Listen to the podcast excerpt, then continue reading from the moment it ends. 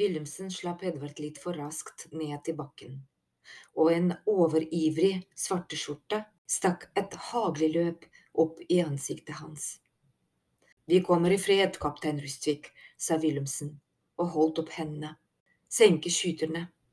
Han skjøv løpet vekk fra ansiktet og gjorde en grimase, som om det var noe vemmelig og illeluktende. Kaptein Rustvik fortrakk ikke en mine. Øynene hennes saumfarte ansiktene til de fire spionene. Det eneste jeg vet, er at Petter Brandt er myrdet, og at morderen etterlot seg akulte symboler, begynte hun. Og hvem kjenner jeg som driver med den slags, mon tro? Hun lot blikket flakke mistenksomt mellom Wilhelmsen og professor Wolff. Edvard tok noen skritt nærmere kapteinen, med hendene godt synlige. Vi vet hvem morderen er, sa han. Herr Mink sendte oss for å advare dem. Kaptein Rustvik senket brynene. Tenksomt klødde hun seg på de blåsvarte haketatoveringene. Bevis det, sa hun kort. Willumsen stakk raskt en hånd inn under frakken og fikk tre hagler rett mot seg som resultat. Rolig, han dro noe ut av innerlommen med to fingre, ytterst sakte. Ta en titt på denne, kaptein. Det var listen Mink hadde skrevet over mulige gjemmesteder. Kaptein Rustvik snappet den til seg. Raskt gransket hun den sirlige løkkeskriften. Ser håndskriften kjent ut? spurte Wilhelmsen og prøvde å sende et tillitsfullt smil til kapteinen. Det så nesten grotesk ut. Kapteinen nikket sakte. Ja vel, mumlet hun. Senk våpenet, karer. Svartskjortene gjorde som beordret, men en av dem spyttet demonstrativt i snøen. Kaptein Rustvik så overrasket på Edvard. Så hvordan er du blant oppi all dette, Edvard? spurte hun og stakk tømmerhauken innunder bukselinningen. Edvard rakk ikke å svare. Jeg ble kontaktet av en politifullmektig som tenkte hjelp med å tyde skriften på veggen, skjøt Wilhelmsen inn. Jeg søkte assistanse hos professor Wolff og læregutten hans. Læregutt, tenkte Edvard. Er det det jeg er? Kaptein Rustvik snudde seg mot professor Wolff. Og klarte De å tyde tegnene, professor? Professoren ristet på hodet og sukket tungt. Den forsvunne vetteordboken tyngdet ham fremdeles. Nei, jeg klarte ikke å oversette teksten, svarte han og ristet på hodet. Men morderen etterlot seg en signatur, og vi tror vi vet hvem han er. Hvem da? spurte kapteinen. De kommer ikke til å tro meg, kaptein Rustvik, nølte professoren. Jeg har møtt både drauger og sjøormer, sa kaptein syrlig. Jeg er åpen for det meste. Professoren nikket og knegget lavt. Jeg vet ikke hvor jeg skal begynne, sa han. Har De hørt om krigsguden Tyr? Og så fortalte han hele historien om mordet på Grønland, fru Ulesens vitnesbyrd og skriften på veggen. Edvard overtok entusiastisk beretningen om hvordan Tyr, eller hvem han nå var, hadde angrepet herregården og truet mink på livet. Kaptein Rustvik ble blekere og blekere mens Edvard beskrev den umenneskelige styrken til mannen som hadde kastet svartskjortene, og selv Wilhelmsen rundt som fillidokker. Wilhelmsen brymmet misfornøyd, men sa ingenting. Så denne morderen, mannen, guden, begynte kapteinen, da alle hadde bidratt til sin del av historien, kan dykke opp fra ingensteders og er sterk som en hel armé. Hun gned seg fortvilet i øynene. Jeg er så godt som død. Nei, utbrøt Edvard, ikke hvis vi tar med hammeren tilbake til Svalbard, det er det eneste Tyr vil. Kaptein Rustvik lukket øynene og roterte hodet så det knakte i nakkevirvlene. Da kommer Mink til å drepe meg isteden, sukket hun. Hvem vil de helst ha etter dem? fnøs Wilhelmsen. Et oljeglatt fiskeberg eller en krigsgut? Han holdt opp håndflatene som to vektskåler. Valget var enkelt. Hvis vi skal reise, må vi gjøre det raskt, sa kapteinen, plutselig veldig besluttsom. Professor Wolf, Edvard, dere drar til byen straks butikkene åpner. Vi trenger proviant. Varmt tøy får vi skifte oss på veien. Hvordan fikk herr Mink vite om hammeren? spurte Edvard og kikket opp på kaptein Rustvik. Kaptein Rustvik nølte litt, som om hun ikke ville avsløre samlerens hemmeligheter. Han var jo fremdeles arbeidsgiveren hennes. Herr Mink har økonomiske interesser på Spitsbergen, sa hun til slutt. Det har blitt gjort forsøk på gruvedrift der. Utvinning av kull. Hun kastet et blikk på Edvard. Gruvearbeiderne fant noe der nede under jorden. En urgammel tunnel som ledet til et slags kammer. Gudenes gravkammer, kalte de det. De fortalte at en stemme kommanderte dem, drev dem videre. De verken sov eller spiste. Mange av dem kollapset av utmattelse.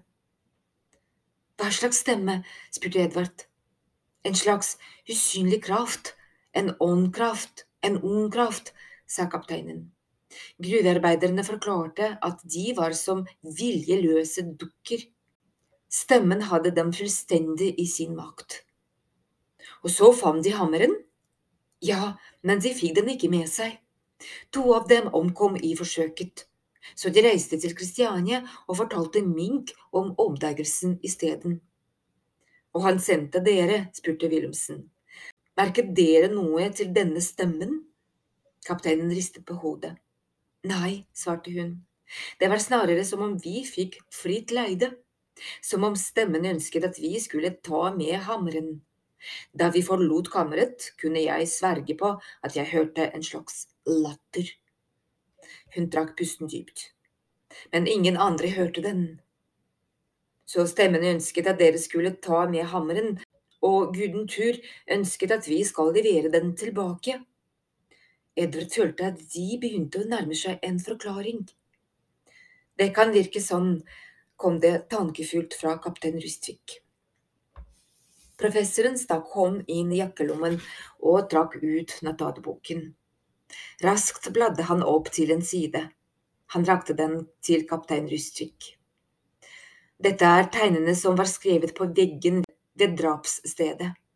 Som sagt klarte jeg ikke å tyde dem, men jeg kjente dem igjen, og jeg vet om noen som kan fortelle oss hva det står. Kaptein Rustvik så spørrende på ham. Noe sier meg at det er viktig at vi tyder disse tegnene, fortsatte professor Wolff. Hvis det gjemmer seg en mektig kraft på Svalbard, bør vi vite mest mulig før vi begir oss dit. Jeg tror dette er en advarsel. Kaptein Rustvik trakk på skuldrene. Og hvor skal vi finne noen som kan tyde tegnene for oss? spurte hun. Edvard visste allerede svaret. Hjertet gjorde en baklengs saltomortale. I Østerdalen!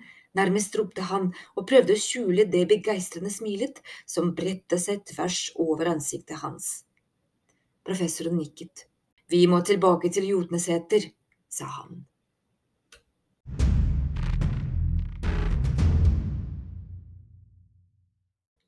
Gjensyn på kirkegården. Vognen stoppet utenfor porten til Vår Frelsers gravlund. Gravstøttene så mørke ut i det lave morgenlyset. Kirkegården var forlatt. Kusken til Wilhelmsen hadde gitt Serpionov, professor Wolff og Edvard kyss ned til byen i grålysningen. Men tiden var knapp, og da han dykket opp, et kvarter for sent, virket han andpusten og hadde ikke fått med seg annet enn en tykk pelslue. Edvard stusset litt over dette, men han hadde andre ting å tenke på. Det var på vei tilbake til Ekebergsåsen at Edvard hadde bedt kusken om å ta turen innom kirkegården. Det er noen jeg må treffe, sa Edvard kort idet han klatret ut av vognen. Professoren så tankefullt på han. Det virket som om han veide ordene sine før han snakket. Edvard, begynte han, kaptein Rustvik har en gal moter etter seg, eller krigsgut, om du vil. Vi har ingen tid å miste. Edvard satte støvlene i nysnøen. Jeg vet det, svarte han kort, men jeg må gjøre dette. Så det er hit du har gått de siste søndagene? spurte professoren. Du vet hun er her når du kommer tilbake også. Men Edvard svarte ikke. Professoren tok feil. Det var ikke morens grav Edvard skulle besøke. Ikke denne gangen. Han snudde seg og begynte å småløpe nedover gangstien. Det var ingen mennesker ute denne kalde morgenen. Kirkeklokkene ville ikke ringe inn til søndagsmesse før om et par timer. Snart satte han ned farten og svingte inn mellom gravstøttene. De så helt like ut, på rekke som grå, nedslitte tenner, halvveis begravd av nysnø. Et stykke unna sto en mann med ryggen til, lent over en av gravsteinene. Han var kledd i lang frakk med oppbrettet krage og hadde en skyggelue trykket ned over håret. Over den ene skulderen hang en sekk. Synet var ikke uventet, men allikevel gikk det et støkk gjennom Edvard. Jeg var ikke sikker på om du ville komme, sa Edvard forsiktig da han var nær nok. Ikke jeg heller, sa mannen uten å snu seg. Han bøyde seg ned over gravsteinen og børstet snø av den med en naken hånd. Det så kaldt ut, men jeg måtte si farvel. Mannen reiste seg igjen og snudde seg mot Edvard. Et ubarbert ansikt kom til syne, med brune hårlokker hengende ned i ansiktet. Det vanligvis så lure smilet var byttet ut med en alvorlig mine. Hvor skal du hen? spurte Edvard og kjente en følelse som om hjertet visnet i brystet. Jeg mønstrer på i kveld, sa Gabriel Frost og la en hånd på skulderen til sønnen sin. Det er ingenting å gjøre for meg i byen lenger. Edvard skjøv bort hånden hans. Han kjente skuffelse bli erstattet av et glødende sinne.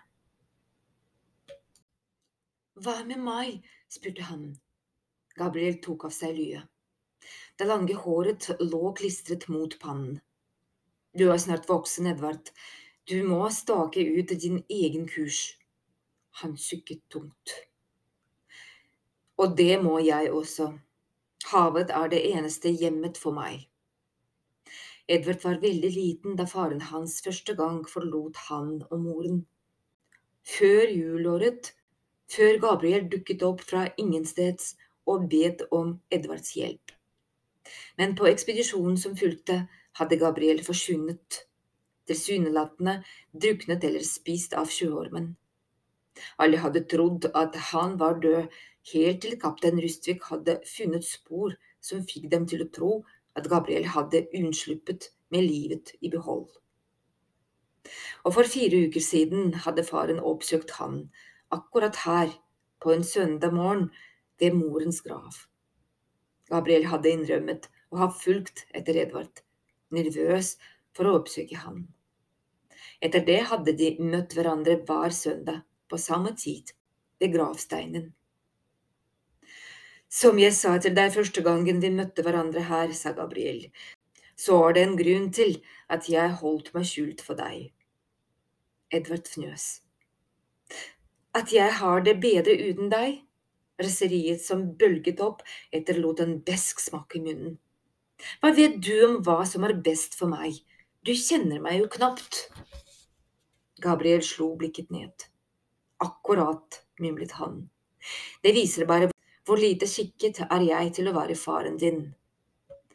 Edvard sa ikke noe på en liten stund. Han stirret motløst på gravsteinen.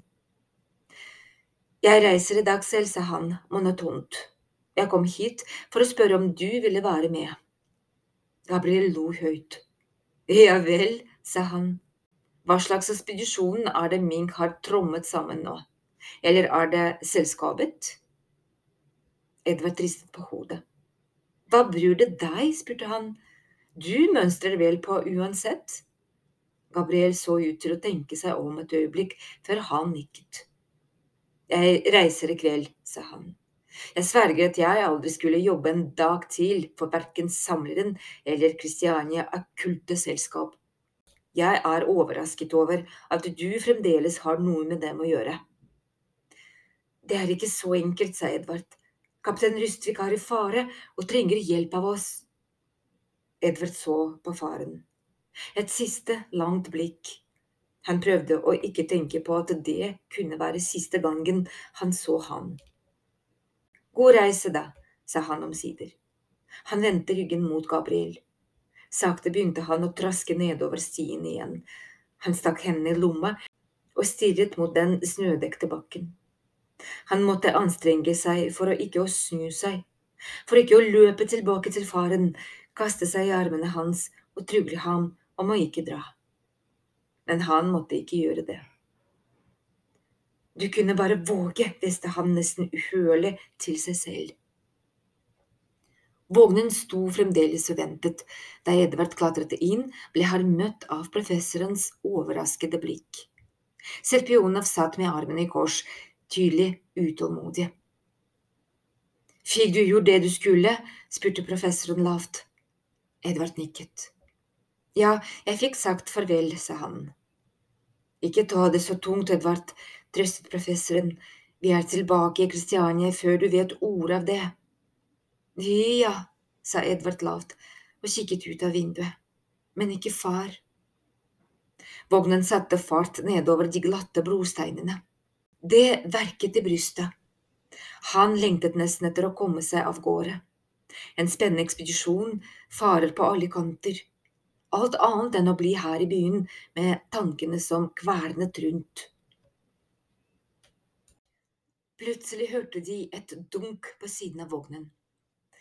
Hva var det? Professoren skvatt til. Er det noen slynger som kaster snøballer på oss? Serpionov knyttet nevene så leddene knakte og snarret noe på russisk.